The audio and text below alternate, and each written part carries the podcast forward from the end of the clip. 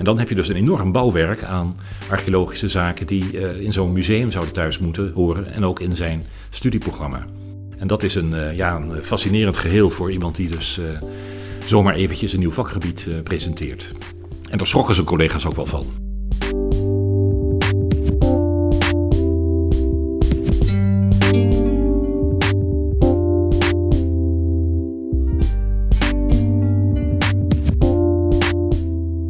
Dit jaar is Leiden de Europese stad van de wetenschap.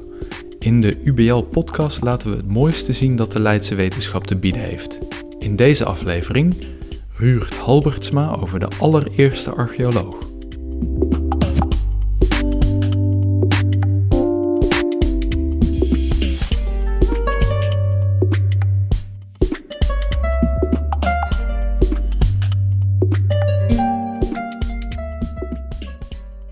Hartelijk welkom, uh, Ruurt. Uh, fijn dat je er bent vandaag.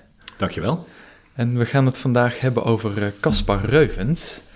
En dat doen we zoals gebruikelijk aan de hand van een aantal mooie authentieke documenten die we hier voor ons hebben. Alleen in allereerst ben ik natuurlijk benieuwd of je jezelf even zou willen voorstellen aan ons. Ja, mijn naam is Ruurt Halbertsma. Ik ben als conservator van de Grieks-Romeinse afdeling verbonden aan het Rijksmuseum van Oudheden. En aangezien ik uh, ja, mijn dissertatie al geschreven heb over een gedeelte van de collectie van het museum, ben ik al vroeg in, de, in contact gekomen met Caspar Reuvens en ook uh, gefascineerd geraakt door deze persoon. Dus ik vind het heel erg leuk om vandaag wat meer over hem te vertellen aan de hand van de mooie stukken die hier voor ons liggen. Yes. Nou, want uh, misschien kunnen we dan het beste even beginnen met een, een schets van het tijdsbeeld. Hè? wanneer leefde Reuvens en hoe moeten we ons de universiteit bijvoorbeeld voor ons zien in die tijd? Ja, dat was een hele andere tijd dan die we nu beleven. Nederland was in beroering in allerlei opzichten. Hij werd in 1793 geboren in Den Haag. Uh, Nederland was toen een republiek, de Bataafse Republiek, en veranderde een aantal jaren later in het Koninkrijk Holland onder Lodewijk Napoleon. En weer een aantal jaren later als onderdeel van het Franse Keizerrijk Hè, als, een, als een onderdeel van dat, uh, van, het, van dat grote geheel. Dus hij zat in een politieke heel, uh, politiek heel onzekere en onstuimige periode. Waarin van alles aan de gang was in, op Europees gebied. En dat zie je ook terug in zijn, ja, in zijn werkzaamheden. Hij was een echte Europeaan. Hij was betrokken bij de Europese geschiedenis en de ontwikkelingen. En nam daar ook altijd stelling in. Dus hij, hij was echt iemand die politiek ook actief was. En in die tijd ging Reuvens zich bezighouden met de, de archeologie. En is het zo dat de archeologie toen al een, ja, een, vakgebied op zichzelf was? Of, of is dat, was hij echt aan het pionieren destijds? Ja, hij is eigenlijk min of meer toevallig in die archeologie uh, terechtgekomen. Uh, zijn jeugd was niet gelukkig. Hij uh, in 1793 geboren als enig kind. Uh, zijn moeder is heel jong overleden, dus hij werd opgevoed door zijn vader, die jurist was en een hele drukke baan had. Hij is ook minister van Justitie uh, geweest. En deze vader was bijzonder uh, gericht op de carrière van zijn enige zoon. Dus hij zat toch al onder de plak, kun je zeggen, van zijn vader. Die hem echt rechten wilde laten studeren. En dat heeft Reuvens ook heel braaf gedaan maar het bloed kroop waar het niet gaan kon. En uh, Reuvens heeft uh, zijn liefde gevolgd en is naast rechten ook klassieke talen gaan studeren. Dus hij is, uh, heeft een opleiding gevolgd tot klassicus in Amsterdam, in Leiden en later nog in Parijs, waar zijn vader een betrekking kreeg aan het Hof van Assisen. in Parijs leerde hij de collecties van het Louvre kennen, toen de grootste collectie archeologie ter wereld, ook door de plundertochten van Napoleon. En met die kennis van de archeologie kwam hij ook terug in Nederland. Uh, hij kreeg een aanstelling in Harderwijk als uh, hoogleraar klassieke talen. En toen Harderwijk in 1818 werd opgeheven als universiteitsstad, toen zat men een beetje met die jonge, briljante klassicus in de maag, want er was geen vacature voorhanden. En op dat moment uh, dacht men van waarom niet een nieuwe leerstoel creëren in Leiden. En die nieuwe leerstoel die noemen we archeologie. En zo is een nieuwe leerstoel eh, in Leiden terechtgekomen, omdat daar al oudheden voorhanden waren. En ook een nieuw hoogleraar benoemd, Reuvens, die ook nog eens een keer directeur werd van het archeologisch kabinet, zoals het de collectie toen heette. Dus als ik het goed begrijp, was de, de archeologie buiten onze landsgrenzen, was dat al wel een, een, een vakgebied? Bestond dat al wel? Alleen hier in Nederland was het nou, onontgonnen. Het, het, bestond in het buitenland wel, maar het werd er altijd een beetje bijgedaan door hoogleraren die het wel leuk vonden. Dus de ene hoogleraar geschiedenis die behandelde wat numismatiek erbij, die behandelde wat oude munten erbij. Een andere hoogleraar uh, esthetica, die behandelde wat gesneden stenen, gemmen en kameeën. En uh, behandelde de theorieën van Winkelman bijvoorbeeld over de schoonheid van de Griekse beelden. Maar iedereen deed dat zo'n beetje hapsnap op zijn manier. En Reuvens was de eerste die een leerstoel archeologie kreeg, waarbij hij dus ja, de hele archeologie zou moeten gaan bestrijken. En dat was een unicum in de wereld. Dus daarin ja, hebben we te maken met een ja, voortrekkersrol van Leiden op het gebied van de archeologie. Oké. Is het, ja, is het toevallig dat uitgerekend in die tijd uh, de archeologie als vakgebied werd uh, ontdekt? Uh, dat heeft te maken met het ontstaan van een wetenschap. Hè. Archeologie was lange tijd een hobby. Er waren verzamelaars die collecties aanlegden en daar ook wel iets ja, meer over wilden weten. Dus er werd wel wat onderzoek gedaan. Er waren al wat grotere verzamelingen van, van, van koningen, van pausen. Hè. Parijs is een goed voorbeeld, Rome. Daar werd ook onderzoek naar gedaan door Winkelman bijvoorbeeld. Die heeft echt een baanbrekend werk verricht op het gebied van de chronologie van de antieke kunst. Uh, maar met Winkelman en met het ontstaan van ook van nationale musea, want die privéverzamelingen die gingen langzamerhand over in grote nationale verzamelingen. Uh, daarmee werden ook mensen aangesteld die, ja, die inhoudelijke vakkennis dienden te hebben van hun collecties en van het uh, gebied van de archeologie. En één daarvan is dus Reuvens geweest, die dat voor Nederland heeft vormgegeven. Um, nou, misschien is dit wel een mooi moment om over te gaan naar het allereerste object dat we hier op tafel ja, hebben liggen. Ja, nou, we gaan terug naar het jaar 1818. Reuvens is teruggekeerd uit Harderwijk, waar hij geen gelukkige tijd heeft gehad. In die periode overlijdt ook zijn vader en is hij dus wees en enig kind. Dus hij, hij was eenzaam ook, zeker. Maar hij kreeg dus in 1818 die benoeming tot hoogleraar archeologie. En daar hoorde natuurlijk een oratie bij. En die heeft hij uitgesproken in oktober 1818. En die heb ik hier uh, voor mij liggen. Natuurlijk in het Latijn, zoals dat uh, toen ging. En hij heeft die oratie genoemd de Oratio de Laudibus Archeologiae. Een oratie over de lof van de archeologie. Dus een lofzang op de archeologie. Dus het woord archeologie zit er al duidelijk in de titel vermeld. En aan hem was het om dat nieuwe vak van de archeologie te verdedigen tegenover zijn collega's die al eeuwenlang uh, te maken hadden met uh, klassieke talen, Grieks, Latijn, Hebreeuws, uh, Oosterse talen. Dat was allemaal bekend, maar hij moest die, dat nieuwe vak gaan verdedigen. En dat heeft hij gedaan in een, in een glasheldere reden. En in die reden zet hij, zijn, ja, zet hij zijn ideeën uiteen over die archeologie. Hij zegt het is niet een ondergeschikt onderdeel van de letterenstudies. Nee, het is een integraal deel hè, dat nieuwe kennis kan aandragen waar andere vakgebieden over zwijgen. Bij de geschreven bronnen ontbreekt heel veel, omdat heel veel ja, geschriften verloren zijn gegaan. Hij zegt ook dat uh, Leiden bij uitstek geschikt is voor zo'n zo'n uh, studie, omdat Leiden al een verzameling oudheden heeft, maar die verzameling is lang niet voldoende om een breed beeld te schetsen. Hij zegt het kernpunt, dat is de cultuur van de Grieken en de Romeinen, maar uh, om een echt archeologisch museum en archeologische studie op te zetten, moeten we ook aandacht geven aan de culturen die bekend waren aan die Grieken en die Romeinen. Dus ook aan de Kelten, de Germanen, de Puniërs in Noord-Afrika, de Egyptenaren, de Perzen. Maar, zegt hij, ook andere culturen zijn beïnvloed door die Grieken en die Romeinen. Namelijk de vroeg boeddhistische kunst in India. Dus dat hoort er ook bij. Ja. En vanuit India is ook de boeddhistische kunst in Indonesië en de Hindoestaanse kunst daar beïnvloed. In die vroege periode. Dus ook Indonesië hoort daarbij. En dan heb je dus een enorm bouwwerk aan archeologische zaken die uh, in zo'n museum zouden thuis moeten horen. En ook in zijn studieprogramma. Precies. En dat is een, uh, ja, een fascinerend geheel voor iemand die dus uh, zomaar eventjes een nieuw vakgebied presenteert. Ja. En daar schrokken zijn collega's ook wel van. Dus hij zei niet van, hij zei niet, ik ga de komende tijd aan de slag als archeoloog, maar hij, hij baande eigenlijk de weg voor een complete generatie nieuwe wetenschappers. Ja, hij zei: dit vak archeologie heeft heel veel vertakkingen. Ja, hij was zo briljant dat hij al die vertakkingen ook beheerste. Hij heeft zichzelf ook hieroglyphen geleerd. Uh, hij, ja, hij beheerste al die onderdelen helemaal. Maar in, in, wezen is hij gewoon de voorloper. Als je Reuvens opdeelt in allerlei deelgebiedjes, dan kun je kijken naar de faculteit archeologie hier in Leiden zoals die nu is. Want iedereen heeft daar ja. zo zijn specialisme. Maar hij had het dus allemaal in zichzelf. Okay. In, uh, in één persoon. En als je zegt, zijn collega's waren best een beetje geschokt of verbaasd misschien door zijn...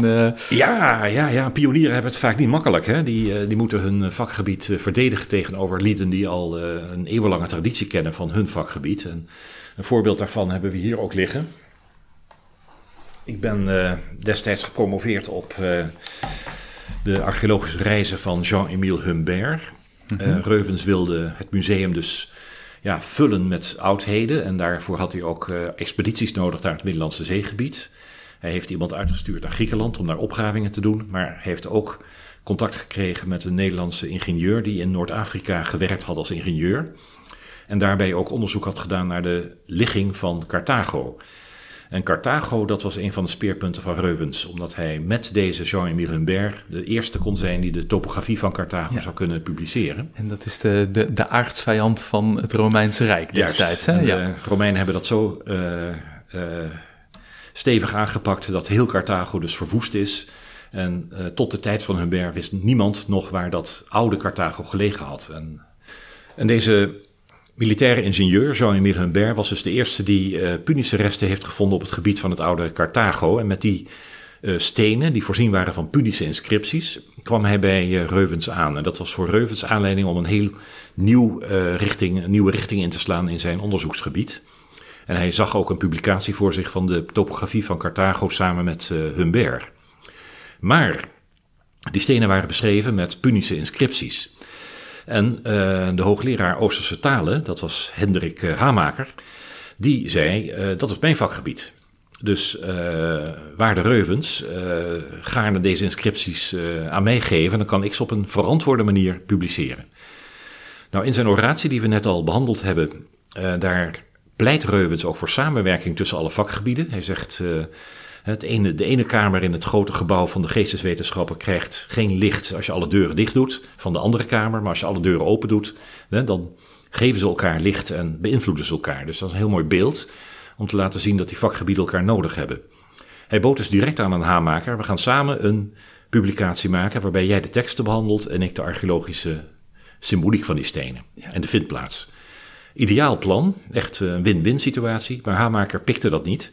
En uh, er kwam ruzie, waarbij uh, het vooral ging over het, uh, de kwestie of deze stenen nu votief stenen waren, dus gewijd aan de godheid, of dat het grafstenen waren, dus bestemd voor een begrafenis. En op grond van de iconografie en op grond van de inscripties kwamen ze tot verschillende interpretaties. En het liep zo hoog op dat het niet één publicatie werd, maar twee. En die twee publicaties die hebben we hier voor ons. We hebben hier dus een, een periculum animadversionum archeolocarum, een, uh, ja, een probeersel tot archeologische opmerkingen over de Punische stenen van Humbert in het Museum van Oudheden in Leiden. En dat heeft Reuvens geschreven. En uh, Haarmaker schreef daar een, publicatie tegen in, waarbij een hele andere theorie uh, ging, ja, ging aanhangen. Het grappige is, is dat eigenlijk ze allebei gelijk hadden. Want het zijn inderdaad grafstenen. Ze zijn gevonden in de Tofet van Carthago, waar kinderbegravingen liggen. Waarschijnlijk kinderoffers. Uh, dus het zijn grafstenen, maar ze zijn gewijd aan de godin Tanit. En dat is de stadsgodin van Carthago. Dus het zijn zowel votiefstenen als grafstenen. Als ze dat nou geweten, dan... Uh... Ze hadden dus samen zo'n prachtige publicatie ja, kunnen ja, maken. Ja, ja, maar dit is een eerste voorbeeld van een, uh, van een botsing van, uh, van de twee. En die botsing werd nog groter toen er grote hoeveelheden uh, Egyptische oudheden het museum binnenkwamen, ook weer via Humbert. En die Egyptische oudheden, die met hieroglyphen beschreven waren, uh, ook Hamaker zei van dit hoort bij de Oosterse talen. Dus die, jij mag de objecten beschrijven, maar ik doe de inscripties. Nou, dat heeft Reuvens echt geweigerd, want dat was een schat aan materiaal dat hij, die hij dan ja, uit handen zou moeten geven. En dat is tot en met ministersniveau uh, moest dat worden uitgevochten om dat te regelen. Maar Reuvens leerde hieroglyphen en heeft ze perfect uh, gepubliceerd. Oké. Nou, en dit, uh, dus Egypte en, of, en Carthago en alles in, in Noord-Afrika had duidelijk zijn, uh, zijn interesse. Alleen ik begreep ook dat, dat hij ook gewoon hier in de regio ontzettend veel onderzoek heeft gedaan. Hè? Ik hoorde onder andere Voorburg voorbij komen. Ja, ik zal daar iets over tevoorschijn halen.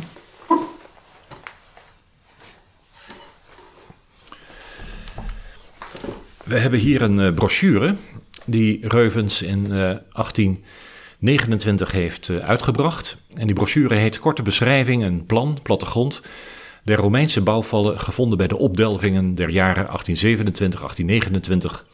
ter waarschijnlijke plaatsen van het Forum Hadriani op de hofstede Aartsburg onder Voorburg bij Schravenhagen. Ditmaal in het Nederlands. Ditmaal in het Nederlands, want hij verzette zich uh, met hand en tand tegen het gebruik van het Latijn aan de universiteit. Hij zegt daarmee sluiten we heel veel mensen uit.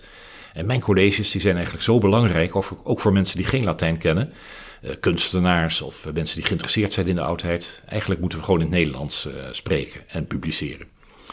Ook daarmee was wat, liepen zijn tijd eigenlijk vooruit. Maar de Romeinse bouwvallen van Forum Hadriani, dat heeft hij ook onder de aandacht van de, van de Nederlandse bevolking gebracht door het maken van dit soort publicaties. Ik zei al eerder dat Reuvens geïnteresseerd was in de klassieke oudheid, maar ook in de gebieden die dus gekend waren door de Romeinen en de Grieken. Nederland was voor de helft in, in, de Romeinse tijd Romeins grondgebied. Er is een Romeinse wegenkaart bewaard gebleven, de Tabula Peutingeriana, waar je Romeinse wegen ziet aange aangegeven met bepaalde steden en wachtposten. En hotelletjes ook. En een van die steden op ons gebied is Forum Hadriani. Dat staat daar prachtig vermeld. Nou, de vraag was natuurlijk waar ligt dan Forum Hadriani? Keizersnaam zit erin, keizer Hadrianus. Uh, Reuvens had het vermoeden dat bij Arendsburg, waar al Romeinse vondsten waren gedaan in het verleden, dat daar Forum Hadriani lag. En hij is uh, ja, de eerste geweest in Nederland alweer die echt de spade ter hand heeft genomen en uh, bij Voorburg dus uh, echte wetenschappelijke opgravingen is gestart. En het resultaat dat zien we hier in verkorte ja, maten voor ons liggen. Een korte brochure met een plattegrond van de huizen die hij daar heeft gevonden met interpretaties. Uh, in de archieven van het museum liggen nog, uh, ook nog opgravingstekeningen waaruit je ziet dat hij heel, heel gedetailleerd uh, die tekeningen maakte. Ja. Hij werd ook geholpen door Humbert, want Humbert was een militair ingenieur en die kon als ingenieur ook heel goed aanwijzingen geven hoe je ja, doorsnedens maakt en opstand, opstandtekeningen. Dus het was een, ja, Reuvers maakte gebruik van alle technieken en wetenschappen die hij kon gebruiken. En, en als je nu een, een archeologiestudent, die, of iemand die net in de archeologie is afgestudeerd, als je die nu samen met Reuvens een, een op, opgraving laat doen, Gaat dat dan ongeveer op dezelfde manier? Of is die moderne student, uh, kijkt hij dan toch een beetje meewarig naar uh, hoe Reuvens dat aanpakt? Ik uh, denk het niet, want als je die opgravingsaantekeningen leest, en ik heb dat hele opgravingsverslag ook doorgenomen, daar schrijft Reuvens ook duidelijk van, ik ben de eerste die dit doet, ik doe dit als experiment en ik schrijf alles op, omdat latere generaties dan daaruit kunnen leren waar ze op moeten letten. Hij beschrijft bijvoorbeeld dat hij in de grond verkleuringen ziet. En hij schaaft die vlakken af om die verkleuringen goed te kunnen ja, interpreteren. En hij zegt, ja, in die verkleuringen zitten ook allerlei stukjes tufsteen en andere verontreinigingen. Volgens mij is dit een uitge, uitgegraven sleuf waar vroeger muren in hebben gezeten. De, muur, de stenen zijn weggehaald in de middeleeuwen. En de, ja, de, de sleuven hebben zich gevuld met een andere grondsoort. En hebben dus een verkleuring opgeleverd. En dat is iets wat elke eerstejaarsstudent archeologie ook leert. Hè, wanneer die op uh, veldstage gaat. Dus ik denk dat uh, uh, er een, inderdaad een, een klik zou kunnen zijn tussen Reuvens en de studenten van, van nu. Hoewel ze natuurlijk nog geen GPS en andere drones en dat soort zaken hadden in, die, in de tijd van Reuvens. En nu is het zo dat, dat jij conservator bent in het Rijksmuseum voor Oudheden. En dat is het museum waar we het net over hadden, hè? Dat, het museum dat Reuvens wilde vullen. Um, wat is zijn belang geweest voor uh, het museum? Die is uh, enorm geweest. Um, kijk, voor de universiteit was, het, uh, was de collectie oudheden die ze hadden wat klassiek beeldhouwwerk, wat prehistorische urnen die afkomstig waren uit het Anatomisch Theater. Dat was het archeologisch kabinet der universiteit. dus dat was een, een van de studieverzamelingen van de universiteit. Maar Reuvens, die terugkwam uit Parijs met het idee van een nationaal museum, die zei van nee, wij moeten dit groots aanpakken. Wij gaan verzamelen op grootste schaal. Ik ga mensen uitsturen naar Tunesië, naar Griekenland. Ik wil afgietsels kopen van de Elgin Marbles in, uh, in Londen. Uh, en binnen tien jaar groeide die verzameling enorm. Niet omdat de universiteit geld gaf voor die verzamelingen, maar omdat Reuvens buiten curatoren om, dus hij sloeg echt een bestuurslaag over, direct naar de minister ging of naar koning Willem I. En tegen de minister zei hij: Kijk, we kunnen niet achterblijven bij andere Europese landen. Hè. Ze lachen ons uit. Zij maken prachtige musea, zij verheffen het volk door hè, de oudheid uh, te tonen. En wij doen daar niks aan. De minister was het daar wel mee eens. En bij Willem I vond hij ook een heel goed gehoor, want die was ook uh, gebrand op het uh, vooruitbrengen van Nederland als een uh, Europese natie. Het was ook een soort nationalistische trots. Absoluut. En Reuvens wist dat heel goed te bespelen wanneer dat nodig was. Het ging hem om de archeologie, maar als hij argumenten nodig had van geef geld voor dit museum, dan ging het op de nationalistische tamboer. En dat, dat zie je ook heel duidelijk gebeuren. Met als gevolg dat we dus een collectiegroei kregen die ja, navenant uh, onevenredig was met de beschikbare ruimte. Want ze zaten in een, aanvankelijk in de orangerie, in de hortus hier. Uh, daarna hebben ze een aantal zaaltjes gekregen in een nieuw gebouw aan de Houtstraat. Uh, ja, grenzend aan het huidige museum. maar dat was lang niet voldoende voor al die 5000 Egyptische oudheden die Humbert wisten aan te kopen. Of die Griekse oudheden die kolonel Rotiers uit Griekenland haalde. Dus de universiteit die zat daarmee in haar maag. En Reuvens zat te drammen van er moet een nieuw gebouw komen. En hij had ook wel een plek, namelijk uh, de ruïne. En de ruïne, dat was uh, de plaats waar het kruidschip was uh, ontploft, hè, de huidige steenschuur. Van der Werfpark ligt daar nu. En hij heeft er ook een schitterend museumgebouw ontworpen. Met een Griekse gevel en met zijvleugels en een brug over het water. En dat zag er echt uit als een klein Parijs. Maar ja, dat kostte ook weer geld. En toen zei de universiteit, goed, we gaan wat bouwen, maar de helft van het gebouw is dan voor ons als academiegebouw. En dan mag jij ook nog wat oudheden daar neerzetten. Nou, dat accepteerde Reuvens weer niet. En dat liep zo hoog op dat in 1835 uh, Reuvens besloot om uh, Leiden te verlaten. En naar Amsterdam te gaan. Waar Amsterdam, want Amsterdam had wel gebouwen beschikbaar die geschikt waren. Nou, dat leidde tot een gigantische rel. En komt onze haarmaker weer om de hoek kijken. Die, uh, daar natuurlijk eh, niet blij mee was dat de oudheden zouden gaan verdwijnen. En die, eh, die heeft een enorme ja, herrie geschopt uh, dat dit echt niet kon. Uh, Torbekke die zei van nou ik zal geen traan laten als al die poppen en mummies naar Amsterdam gaan. Hè, want hier wordt Reuvens alleen maar ongelukkig. Dat liep allemaal heel moeilijk. En te midden van al die toestanden vertrekt Reuvens naar Londen. in de zomer van 1835. Hij koopt daar op een veiling nog een hele belangrijke papyrus en nog wat Etruskische oudheden. Hij gaat terug op de boot en uh, zijn vrouw uh, moet bij de dames gaan slapen in de, uh, in de, in de slaapvertrekken. De Reuvens gaat naar het herenverblijf op de boot. En midden in de nacht zien, nee, vroeg in de ochtend zien matrozen iemand op het dek heen zwalken. En die slaat wartaal uit. En de matrozen denken, nou dat zal wel Nederlands zijn, een onbegrijpelijke taal. Maar de kapitein zegt, joh, dat is Reuvens en je moet meteen zijn vrouw halen. En waarschijnlijk is hij getroffen door een hersenbloeding, een beroerte. Uh, hij is in Rotterdam in een ziekenhuis opgenomen, maar overlijdt een paar dagen later. Dus dat was het droevige einde van een briljante hoogleraar op uh, slechts 42-jarige leeftijd. Oké, dus hij is ook overleden voordat het uh, pand waar het RMO nu zit, dus het Rijksmuseum van Oudheden. Ja, ja, ja. Uh, hij heeft dat nooit meer mee mogen maken. Nee, dat is ook een beetje de tragiek van het, uh, van het verhaal. Hij is als pionier begonnen.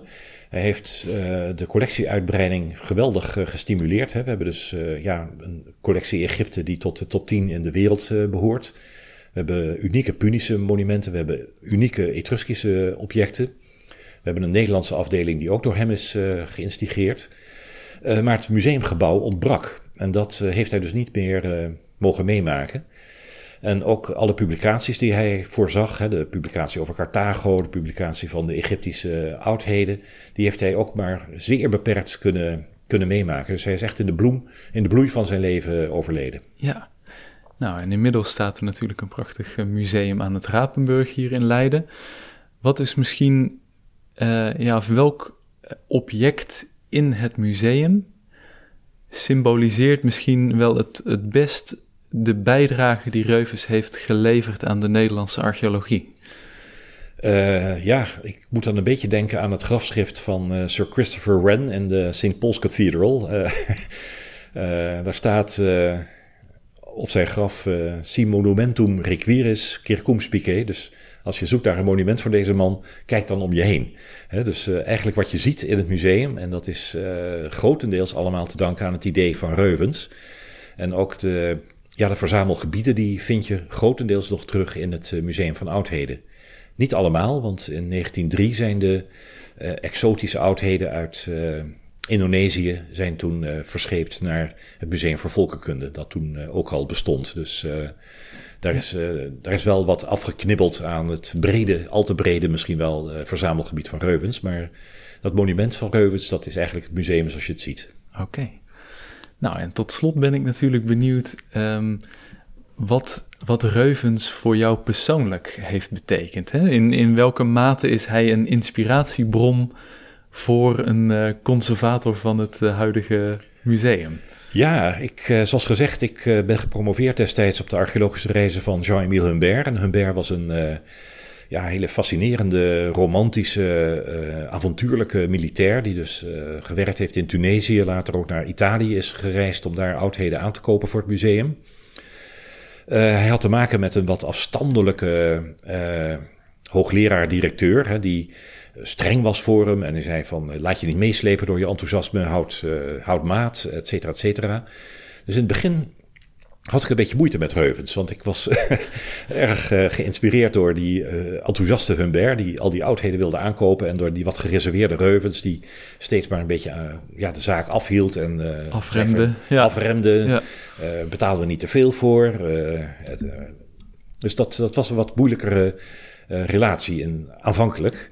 dat is in de loop der tijden toch wel weer veranderd. Hè? Ook in je werkende bestaan heb je wel een ontwikkeling door te maken. En, uh, naarmate ik mijn werkzaamheden uitbreide naar uh, een beschrijving van de vroege jaren van het museum. Dus ik heb Humbert als dissertatie gemaakt. Later heb ik een boek gepubliceerd over de periode 1818-1840 in breed gebied. Dus ook met de archeologie van Nederland en uh, ja, de, de, ja, gewoon het hele idee van Reuvens, wat hij in die tijd wilde. Toen ben ik hem enorm gaan bewonderen. Zeker toen ik doorhad dat hij met zijn heldere betoogtrand, die hij natuurlijk van zijn juridische achtergrond ook mee had, ja, op argumenten het vaak heel goed kon winnen van tegenstanders. Dus hij kon op argumenten aangeven van kijk, jullie hebben ongelijk, want als we het zo en zo en zo bekijken, dan vallen ook die gebieden binnen de archeologie. En niet binnen het gebied van de Oosterse talen, of et cetera, et cetera. Dus hij, hij was een hele heldere denker. En uh, ja, dat heldere denken, dat, uh, dat heb ik uh, altijd wel bewonderd in hem. En het is altijd nog de vraag, wat zou er van hem geworden zijn? Had hij tijd van leven gehad? Hè? Waren ze echt naar Amsterdam gegaan? Of ja, was Leiden toch ingebonden? Hadden ze hier toch wel een museum neergezet? En. Wat zou je inschatting zijn? Ik denk, ik ben bang, omdat de emoties zo hoog opliepen, dat Reuvens toch wel gezicht zou zijn voor Amsterdam. Ja. Hoewel hij eerder grote bedenkingen had uh, tegen een verhuizing naar, uh, naar de hoofdstad. Ook wel heel modern, omdat de uh, klimatologische omstandigheden daar zo slecht waren. De grachten waren een bron van infecties en ook van luchtvervuiling. En het was bekend dat uh, zilvergoed in de grachtenpanden ook elke dag gepoetst moesten worden vanwege de aanslag die die kwalijke dampen uit de grachten uh, veroorzaakte. Dus hij zei van ja, al onze uh, zilver en brons, dat, dat loopt gewoon gevaar door de slechte klimatologische toestanden in Amsterdam. Ja, precies. Dus als het museum daar zou zijn gekomen, dan zou dat misschien een slechte invloed hebben gehad op, op de kwaliteit van de collectie. Ja, dat, dat kan heel goed zijn. En ik ben persoonlijk natuurlijk wel blij dat het in Leiden is gebleven, want hier is het begonnen met Reuvens. En uh, het, ja, de collectie is ook heel nauw verbonden met de geschiedenis van de Leidse Universiteit. Ook met het Anatomisch Theater en met de schenking van het legaat Papenbroek aan, aan de universiteit. Hè, de standbeelden die toen zijn binnengekomen. Uh, dus ik ben wel blij dat die traditie gewoon is voortgezet en dat het toch nog goed is gekomen. Maar ja, je had toch wel ja, achteraf gezien had je toch wel kunnen hopen op iets meer uh, medewerking van de overheid in de richting van een nieuw museumgebouw, waardoor het gewoon wat vlotter was gelopen allemaal. Ja. Nou, hartstikke bedankt. Veel dank voor de toelichting. Graag gedaan.